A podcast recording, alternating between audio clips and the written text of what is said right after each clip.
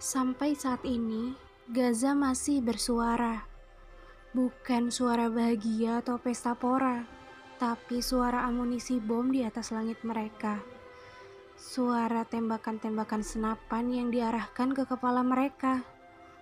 Suara orang tua yang mencari anaknya, atau suara seorang anak yang mencari orang tuanya. Panggilan kemanusiaan memang telah lama digaungkan, namun hanya sedikit yang memberi bantuan meski telah banyak para syuhada yang berguguran, karena bagi mereka cukup Allah yang dijadikan sandaran. Masihkah kita hanya berdiam diri saja, berkutat dengan segala urusan kita yang masih belum selesai juga? Bagaimana kita memikirkan yang lain, sedangkan urusan sendiri saja masih belum juga usai? Kepada para pemuda, Gaza masih bersuara menunggu kita bergerak membela. Dengan apa?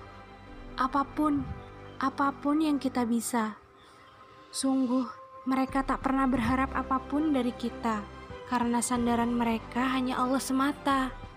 Namun, bisakah kita bersaksi jika kita ditanya, dengan apakah kamu berusaha membela tanah Palestina?